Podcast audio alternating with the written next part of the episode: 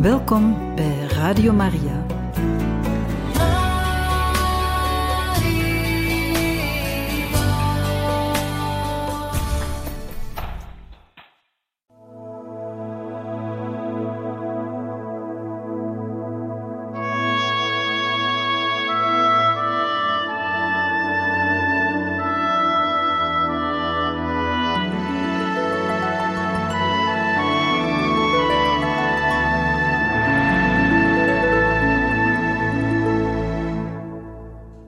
...1947. Een nieuw hoofdstuk dus. Geestelijke oefeningen van 8 tot 13 december 1947.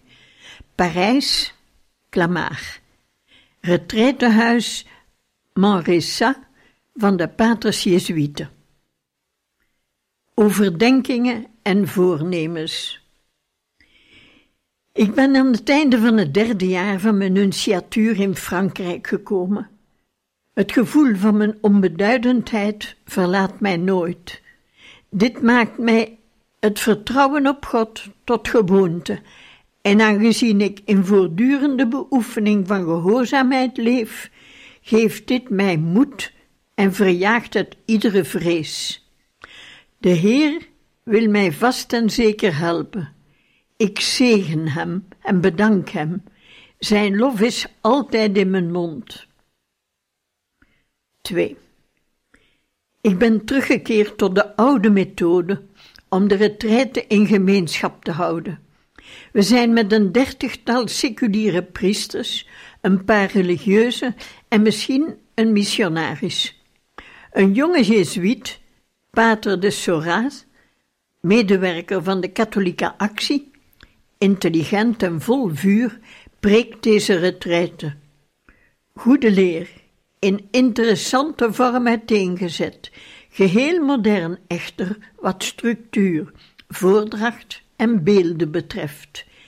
Ik heb bij hem gebiecht over de tijd vanaf mijn retraite in de paastijd te Solem in maart 1945 tot nu toe. Ik voelde mij daarna tevreden en bemoedigd. 3. Wat mijn leven betreft, de centrale gedachte van deze dagen is de gedachte aan de dood, die misschien dichtbij is, en aan de noodzaak dat ik hierop voorbereid moet zijn. Alles kan gebeuren als mijn zijn 67ste levensjaar ingaat.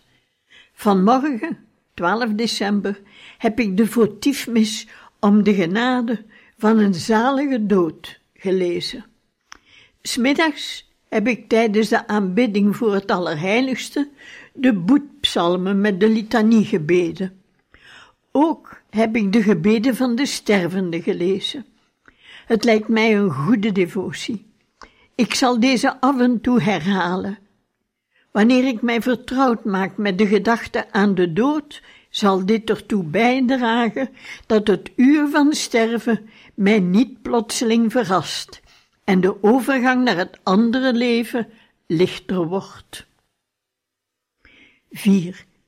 Met het oog op mijn dood herzie ik mijn testament dat van 1938 is en dat erom vraagt aan de nieuwe omstandigheden van mijn familie te Sotto il Monte aangepast te worden. De Heer ziet dat ik mij heb losgemaakt van de aardse goederen in de geest van absolute armoede. Als er iets overblijft, is dit bestemd voor het weeshuis van de parochie en voor de armen. 5. Geen enkele verleiding, wat betreft eerbewijzen in de wereld en in de kerk, kan mij voortaan nog beroeren. Ik ben nog onder de indruk van datgene wat de Heilige Vader heeft willen doen toen hij mij naar Parijs stuurde. Of ik nog een andere rang in de hiërarchie zal verkrijgen of niet, is mij geheel en al onverschillig. Dit geeft mij grote rust. En het laat mij vrijer bij het volbrengen van mijn plicht, wat deze ook van mij zal vragen. Het is goed dat ik mij gereed houd voor een grote tegenslag of vernedering. Dat zal het teken van mijn uitverkiezing zijn. Mogen de hemel willen dat dit het begin zal zijn van mijn ware heiliging, zoals dat het geval was bij de meest uitverkoren zielen die in de laatste jaren van hun leven het stempel van genade ontvingen dat hen tot echte heiligen maakte. Het denkbeeld van pijn jaagt mij vrees aan. Ik ben bang niet opgewassen te zijn tegen fysieke pijnen. Kon ik maar met bloed voor Jezus getuigen, welk een genade en eer zou dit voor mij zijn. 6. Wat betreft mijn verhouding tot God in verband met mijn religieuze oefeningen, lijkt het mij dat alles in orde is. Nadat ik mij hier en daar verdiept heb in de leer van verschillende ascetische schrijvers, ben ik heel tevreden met het missaal, het brevier, de Bijbel, de navolging van Christus en Bossuet, meditation et élévation. De heilige liturgie en de heilige schrift geven mij overheerlijke wijde grond voor de ziel. Zo maak ik alles steeds eenvoudiger en ik bevind mij er beter bij. Ik wil echter nog meer mijn getrouwe en toegewijde verering schenken aan de allerheiligste Eucharistie. Ik ben zo gelukkig deze in mijn huis te mogen hebben, dicht bij mijn kamer, en van daaruit onmiddellijk te bereiken. Ik zal heel vaak gaan bidden bij het Allerheiligste Sacrament. En ik zal dit bezoek afwisselend en aantrekkelijk maken door oefeningen die bijzondere eerbied en devotie vergen, bijvoorbeeld boetpsalmen, kruisweg en officie van de overledene. Vat de heilige Eucharistie niet alles tezamen? 7. Ik heb mijn kamer vol staan met boeken die ik graag lees. Het zijn degelijke boeken, die overeenstemmen met de behoeften van het katholieke leven. Deze boeken vormen echter een afleiding voor mij, die dikwijls een wanverhouding schept tussen de tijd die ik onmiddellijk en bij voorkeur moet wijden aan mijn lopende zaken in verband met de heilige stoel of iets anders, en de tijd die ik tenslotte aan lectuur kan besteden. Hierin moet ik mij werkelijk geweld aan doen. Ik zal er mij uit alle macht op toeleggen.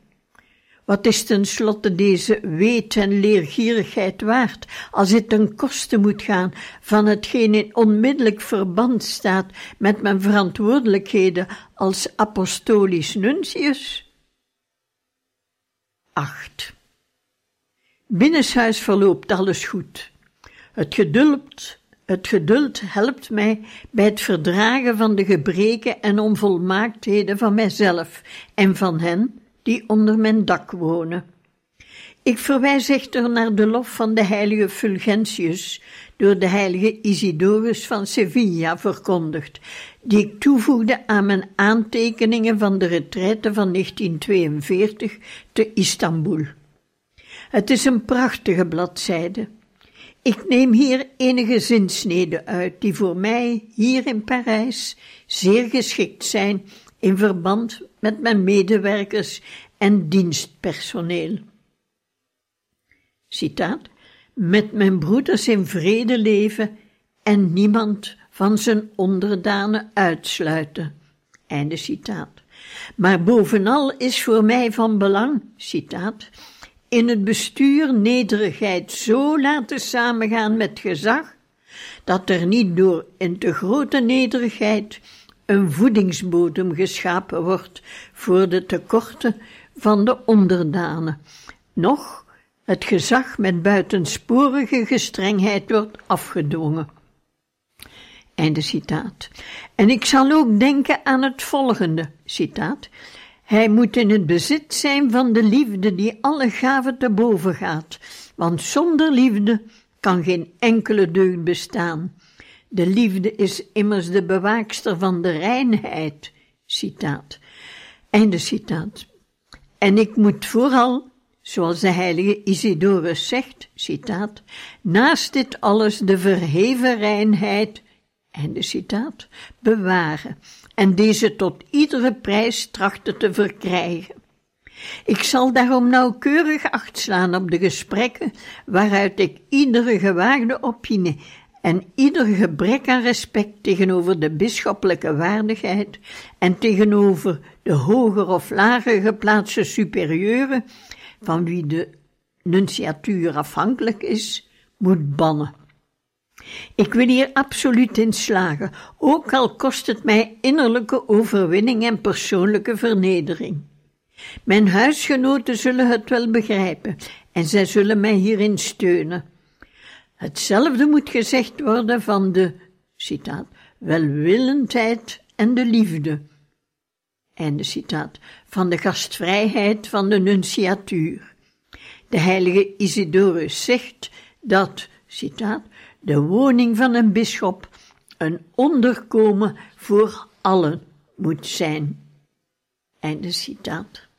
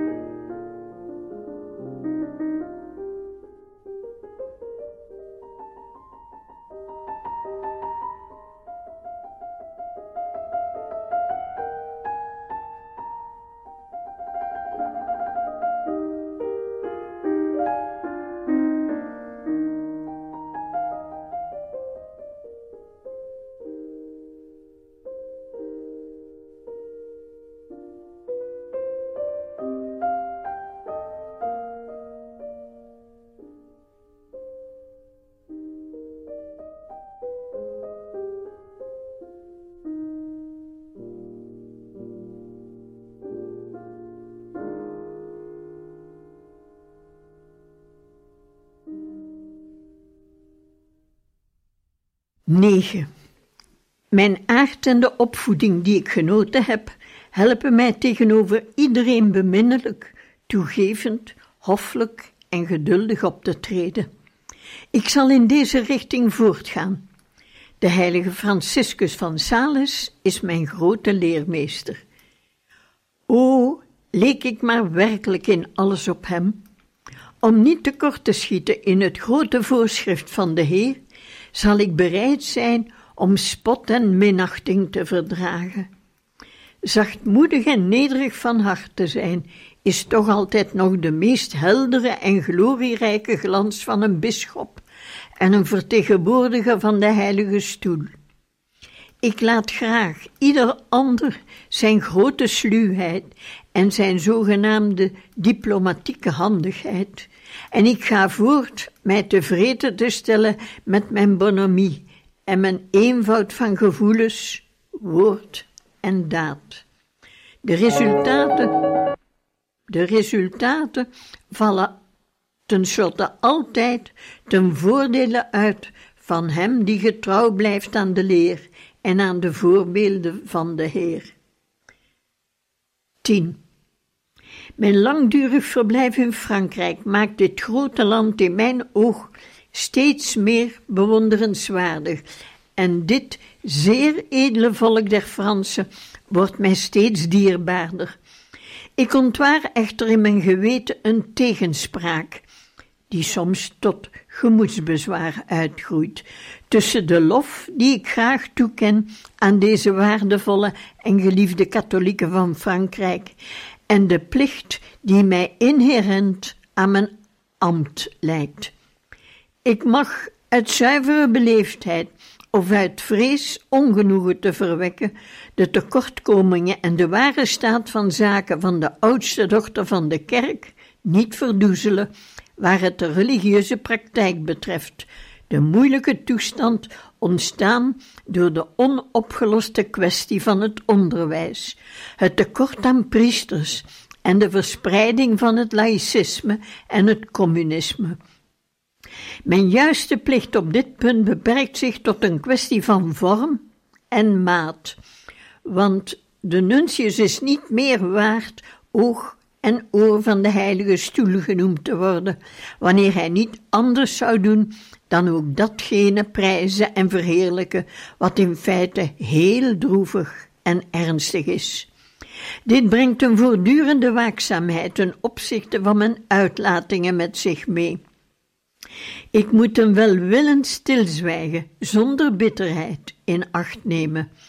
Begripvolle woorden die de neiging tot zachtmoedigheid en toegeeflijkheid vertonen, zullen meer doen dan bepaalde beweringen, ook al zijn deze in vertrouwen en met goede bedoelingen geuit. Overigens, er is iemand die oordeelt en uitspraak doet. Het hart van Jezus mogen mij in het land dat Hij speciaal geëerd en gezegend heeft, hulp, troost en zegen geven, en eveneens de Heilige Maagd, de Koningin van Frankrijk, de Heilige Jozef, de patroon van de diplomaten, en mijn bijzonder licht en hulp met alle beschermheiligen van Frankrijk.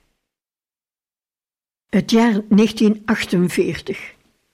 Jaarlijkse geestelijke oefeningen van 23 tot 27 november. Benedictijnerklooster van het Heilig Hart en Kalka, Doornje. Aantekeningen 1. Vandaag 25 november ga ik mijn 68ste levensjaar in. Gisteravond heb ik gebiecht bij de prior Germain Barbier d'Auxerre. Mijn geest heeft vrede. Op mijn smal Benedictijns bed bereidde ik mij voor op een goede dood, door langzaam de acht gebeden die Bossuet daarvoor heeft gemaakt, te bidden. Hiermede beschouw ik mijn leven als beëindigd. De rest, die de Heer mij nog aan jaren en dagen zal willen geven, zal ik als een toegift beschouwen. Ik moet dikwijls de woorden van Paulus herhalen en deze innerlijk beleven. Ik ben immers gestorven en mijn lichaam is met Christus in God verborgen. 2. Deze toestand van mystieke dood betekent onherroepelijk het absoluut loslaten van iedere aardse band, de verloochening van mijzelf, van dat wat mijn voorkeur geniet, van mijn eer, succes, materiële en geestelijke goederen, de volledige onverschilligheid en onafhankelijkheid ten opzichte van alles wat niet de strikte wil van de Heer ten opzichte van mij is. 3. Terwijl ik tijdens deze retraite de, de aantekeningen van vorig jaar, gemaakt in de Villa Manresa van de paters Jezuïeten te Clamart, herlees, vind ik dat deze met alles in overeenstemming zijn, ook met mijn tegenwoordige omstandigheden. Het is niet nodig ze te herhalen. Het is voldoende deze van tijd tot tijd te herlezen tot verbetering en aansporing van mijzelf. 4. Hoe ouder ik word, in jaren en ervaring, des te meer zie ik in dat de zekerste weg tot mijn persoonlijke heiliging en het grootste succes van mijn dienst bij de Heilige Stoel de waakzame kracht blijft om alles, principe, richtlijnen, toestanden en aangelegenheden terug te brengen tot de grootst mogelijke eenvoud en rust. Daarbij moet ik erop letten dat steeds mijn wijnstok van overbodig blad en ranken te omdoen en recht af te gaan op datgene wat waarheid, rechtvaardigheid en liefde is. Ja, bovenal liefde. Iedere andere manier van doen is slechts pose en zoeken naar zelfverzekerdheid die zich spoedig verraadt en hinderlijk en belachelijk wordt. O, de eenvoud van het evangelie, van het boek van de navolging van Christus, van de Fioretti van de heilige Franciscus, van de heerlijkste bladzijde van de heilige Gregorius in de Morania. Men lacht om de eenvoud van de rechtvaardige, met hetgeen dat volgt. Wat geniet ik toch iedere keer meer van deze bladzijde en met hoeveel innerlijke vreugde keer ik naar deze lectuur terug.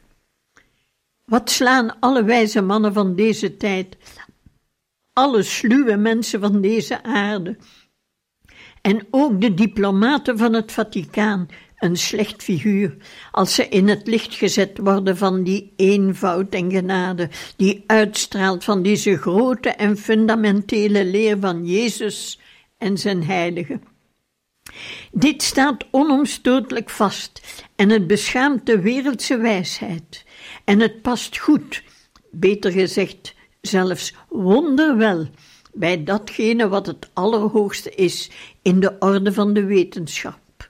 Ook van de wetenschap omtrent de mensen en het sociale leven overeenkomstig de eisen van tijd, plaats en omstandigheden. Dit is de hoogste filosofie: eenvoudig zijn met voorzichtigheid. De gedachte is van de heilige Johannes Chrysostomus, mijn grote patroon uit het oosten. Heer Jezus, Laat mij mijn liefde tot deze eenvoud en de beoefening ervan bewaren, die mij nederig houdt en daardoor steeds meer uw geest doet benaderen en die de zielen aantrekt en redt. 5. Mijn aard, die geneigd is tot inschikkelijkheid en tot het onmiddellijk zien van de goede kant van de mensen en de dingen, eerder dan tot kritiek en een scherp oordeel, en het belangrijkste leeftijdsverschil dat langere ervaring en een dieper begrip van het menselijk hart met zich meebrengt, brengen mij niet zelden in een pijnlijke innerlijke tegenstelling met de omgeving die mij omringt. Iedere vorm van wantrouwen of onbeleefde behandeling, ten opzichte van wie dan ook, speciaal tegenover de geringen, de armen, de ondergeschikte, ieder onvolledig en ondoordacht oordeel veroorzaakt mij verdriet en innerlijk lijden. Ik zwijg, maar mijn hart bloedt. Mijn medewerkers zijn goede priesters. Ik stel hun goede kwaliteiten op prijs. Ik ben hun zeer welgezind en zij zijn dit volledig waard. Maar ik lijd onder de innerlijke spanning in mijn verhouding tot hen. Op sommige dagen en onder bepaalde omstandigheden kom ik in de verleiding met geweld op te treden. Maar ik geef de voorkeur aan het zwijgen en vertrouw erop dat dit welsprekender zal zijn en meer effect zal sorteren voor hun opvoeding. Is dat nu zwakheid van mij? Ik moet, ik wil voortgaan, dit lichte kruis, dat zich voegt bij het reeds vernederende gevoel van mijn onbeduidendheid, in vrede te dragen, en ik zal alles overlaten aan de Heer, die de harten onderzoekt en deze tot de oneindige goedheid van zijn liefde trekt. 6. Naar aanleiding hiervan verwijs ik opnieuw naar het gehele nummer 8 van mijn notities, die ik vorig jaar tijdens een retraite in de Villa Manresa te Clamart geschreven heb. Na veertig jaren staan mij de verheffende herinneringen aan de gesprekken die ik met mijn geliefde bisschop, Monsignor Radini Tedeschi, in het bisschoppelijk paleis te Bergamo gevoerd heb, nog helder voor de geest. Met betrekking tot alle personen van het Vaticaan, vanaf de Heilige Vader, gebruikte hij nooit een uitdrukking die minder eerbiedig of minder beminnelijk was. Over vrouwen vervolgens, of over vrouwelijke aangelegenheden, sprak hij nooit een woord, nooit, alsof er geen vrouwen in de wereld bestonden. Dit absolute stilzwijgen, ook in de intimiteit rondom al het vrouwelijke, was een van de indrukwekkendste lessen in mijn eerste priesterjaren en ik ben ook nog dankbaar voor de bijzondere goede en zegenrijke herinnering aan Hem, die mij tot deze discipline opvoedde.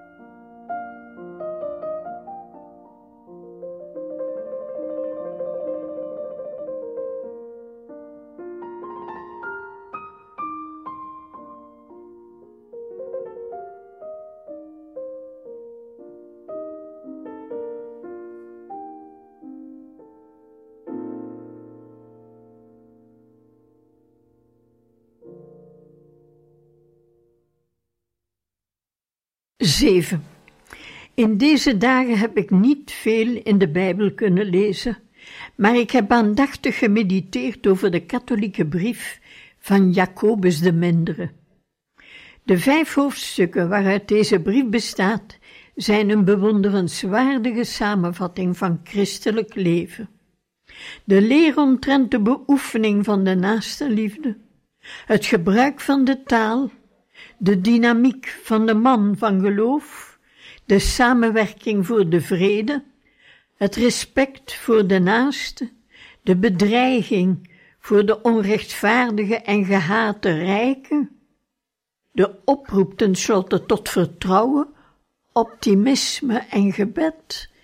Dit alles en nog meer vormt een onvergelijkelijke schat van richtlijnen en aansporingen voor ons geestelijke, speciaal en bij uitstek en bij uitstek, en voor de leken al naar gelang de behoefte van het ogenblik. Het zou goed zijn alles van buiten te leren en deze hemelse leer bij gedeelte te genieten en opnieuw te genieten. Er blijft mij, ten slotte, nu ik 68 jaar ben, niet veel anders over dan oud te worden. Maar de wijsheid is daar, in het goddelijke boek. Zie hier een gedeelte. Citaat. Als iemand onder u wijs en verstandig wil zijn, dan moet hij dit tonen door een goede levenswandel, door zachtmoedigheid en wijsheid. Indien gij echter bittere naijver koestert en er twist aanwezig is in uw hart, laat dan die grootspraak en die huichelarij ten overstaan van de waarheid achterwege. Die wijsheid komt immers niet van boven, zij is aards, ongeestelijk en duivels. Want waar naijver heerst en twist, daar treft men ook onstandvastigheid aan en allerlei minderwaardige praktijken. De wijsheid van omhoog is voor alles rein, maar ook vredelievend, bescheiden, volgzaam, instemmend met het goede, rijk aan barmhartigheid en aan goede daden, onpartijdig en ongeveinsd. De vrucht van gerechtigheid wordt echter in vrede gezaaid voor hen die de vrede nastreven. Het jaar 1950 Geestelijke aantekeningen tijdens mijn korte retraite te Oran, Algiers, van 6 tot 9 april 1950. Witte Donderdag, Goede Vrijdag, Paaszaterdag en Pasen. We beginnen met Witte Donderdag. Drie dagen van rust aan het einde van mijn lange reis naar Noord-Afrika, vanaf 19 maart, de datum waarop ik 25 jaar geleden tot bisschop werd gewijd, tot 9 april, Pasen. De bisschop van Oran, Monseigneur Lacaste, ontvangt mij met broederlijke gastvrijheid, waarvoor ik hem zeer dankbaar ben, en mijn hart klopt in gebed, meditatie en stilte mee met de onmetelijke harteklop van alle bewogen mensen uit alle delen van de aarde en vanuit alle kerken rondom de lijdende en zegevierende Jezus tijdens dit heilige triduum dat Pasen voorafgaat. Na 25 jaar, sedert de heilige kerk mij, hoewel geheel onwaardig en arm, bisschop maakte, denk ik graag aan mijn verleden, heden en toekomst. Witte Donderdag, mijn verleden.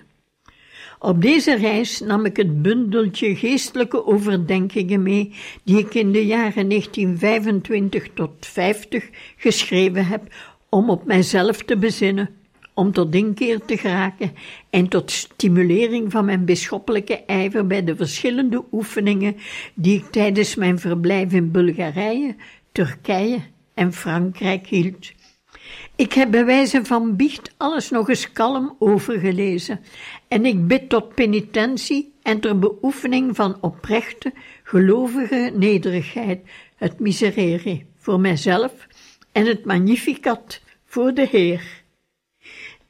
Na verloop van 25 jaar herlees ik nummer 4 van mijn eerste aantekeningen die ik maakte in de Villa Carpegna van 13 tot 17 maart 1925 als onmiddellijke voorbereiding op mijn bisschopswijding. 19 maart, feest van de heilige Jozef, in de kerk van San Carlo al Corso. Ik nam mij al dus voor, ik zal dikwijls boek 3, hoofdstuk 9 van de navolging van Christus overlezen, dat alles naar God als naar het laatste doel gericht moet worden. Dit heeft diepe indruk op mij gemaakt in de eenzaamheid van deze dagen. In weinig woorden is waarlijk alles vervat. Zo schreef ik op de vooravond van mijn nieuwe leven. En precies zo voel ik het nu nog. En ik vind het nog even aangenaam dit nog weer eens door te lezen en opnieuw, na een kwart eeuw van problemen van mijn kant, van zwakte, van opnieuw beginnen en dankzij de Heer, van, van taaie, trouwe en overtuigde wil, ver van de verleidingen van de wereldse geest, de leer van Jezus te beschouwen. O mijn Jezus, hoe dank ik u dat gij mij in dit beginsel hebt laten volharden. Uit mij putten, klein en groot, arm en rijk, als uit een levende bron, levend water. Ach, ik behoor tot de geringe en de arme. In Bulgarije kosten de tegenstellingen die er waren tussen de omstandigheden meer nog dan die tussen de mensen onderling en de monotonie van het leven dat verweven was met het dagelijks leed waaronder mijn bestaan gebukt ging, mij heel wat vernedering en stilzwijgen. Maar uw genade deed mij mijn inwendige vreugde behouden en hielp mij de angst en onrust te verbergen. In Turkije was de plicht voor de pastorale zorg mij tot kwelling en vreugde. Had ik niet meer kunnen of moeten doen met welbewuste inspanning? En had ik niet tegen de neiging van mijn karakter moeten ingaan? Was er in dat zoeken naar kalmte en vrede, dat ik meer overeenkomstig de geest van de Heer vond, niet juist een onmacht tot het gebruik van het zwaard en een voorkeur voor datgene wat mij ook persoonlijk gemakkelijker en prettiger ligt, verborgen, ook als inderdaad de zachtheid, de volheid van kracht genoemd wordt? O Jezus, Gij onderzoekt de harten, en aan U alleen is het juiste punt bekend waarop het onderzoek van de deugd kan gaan leiden tot een te oppervlakkig of een te diepgaand onderzoek. Maar wat ik als mijn plicht voel, is mij op niets te beroemen, maar alles toe te kennen aan uw genade. Zonder genade bezit de mens immers niets. Met grote gestrengheid maakt gij aanspraak op dankbaarheid. En daarom is mijn magnificat compleet, zoals het behoort. Ik houd zeer veel van de uitdrukking: Mijn verdienste is uw ontferming. En van de andere, die van de heilige Augustinus is, door onze verdiensten te bekronen, bekroont gij, met een hoofdletter, uw eigen gave. Nog eens, oneindig veel dank, mijn Jezus. De goddelijke liefde overwint alles en verruimt alle krachten der zin. Als ik echt wijs ben, zal ik mij alleen in u verblijden, op u alleen hopen, want niemand is goed, tenzij alleen God, die boven alles geprezen en in alles verheerlijkt moet worden.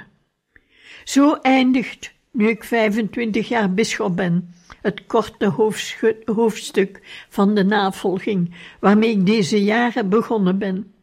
En dit laat mij altijd tot heilzame vernedering van mijn geest de herinnering aan mijn schuld door gedachte, woord en daad, hoeveel, hoeveel schuld wel niet in de loop van deze 25 jaar.